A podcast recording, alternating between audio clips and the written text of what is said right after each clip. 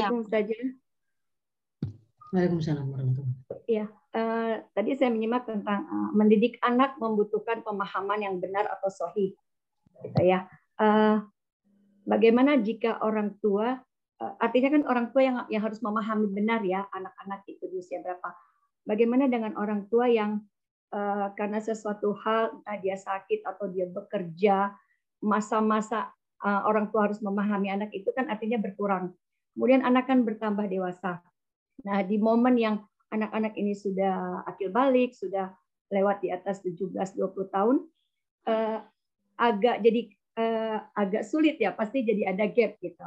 Nah, eh, gimana cara eh, orang tua untuk memahami karena sesuatu hal yang di masa lalu itu tidak tidak kami lakukan itu saja. Sebuah kemaksiatan apa pun itu memang harus tuntunannya ya di dalam Islam itu ya cuma satu jalan ya harus ditaubati, ditaubati dikatakan taubat itu satu ketika ketika kita sedang melaksanakan maksiat itu berarti harus menghentikan. Jadi kalau misalnya saat ini kita sedang dalam keadaan memiliki eh, anak dalam dalam tanggung jawab saya, berarti belum mukalaf gitu ya.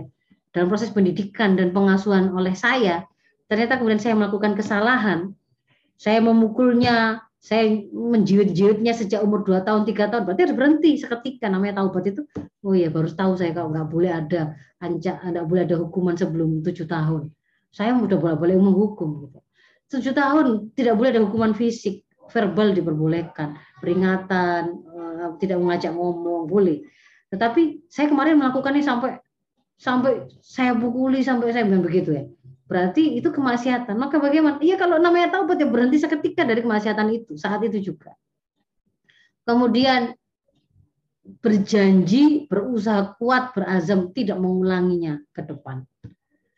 Menyesali yang sudah dia lakukan dan yang berikutnya kalau berkaitan dengan ada hak Adam ya di situ yang dia langgar, dia minta keriduan dari sang pemilik hak. Jadi kalau kemudian ada kesalahan kita dalam pengasuhan dan pendidikan anak, minta maaf kepada anak.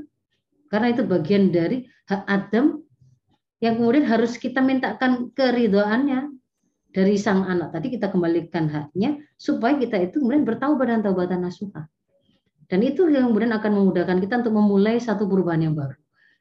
Karena kita sudah sampaikan kepada anak dengan jelas, ternyata yang kemarin ibu lakukan begini itu salah, sebutkan kesalahannya, ibu minta maaf, ibu baru tahu, insya Allah ke depan tidak akan melakukan lagi seperti ini. Harapan ibu, kamu um, juga bisa membantu ibu untuk tetap melaksanakan kebaikan ini. Kita saling mengingatkan, um, enggak, ibu nggak akan marah-marah lagi dan seterusnya itu disampaikan, disampaikan.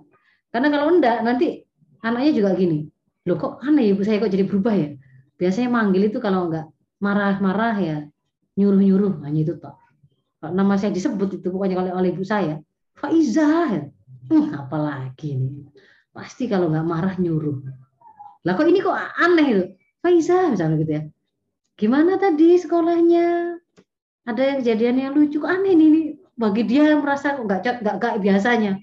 Kok nanya sudah makan atau belum?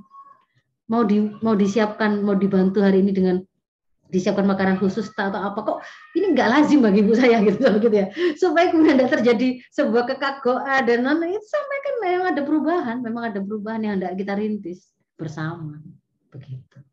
Dan tidak perlu jaim ya nggak perlu jaim. Salah nggak salah ya ngaku salah. Itu akan akan akan membentuk kedekatan kita dengan anak gitu. semakin kita merasa perlu mengatur mengatur perbincangan karena takut salah omong dengan anak, karena takut nanti itu bisa mau apa mungkin dia salah terima atau bagaimana itu adalah alarm atau indikator kualitas kedekatan kita pada anak yang kurang bagus. Karena kalau kita itu dekat ya, orang tua yang bisa tegas adalah orang tua yang punya kedekatan dengan anak. Kalau dia tidak punya kedekatan dengan anak dia tidak akan berani tegas. Dia tidak akan bisa tegas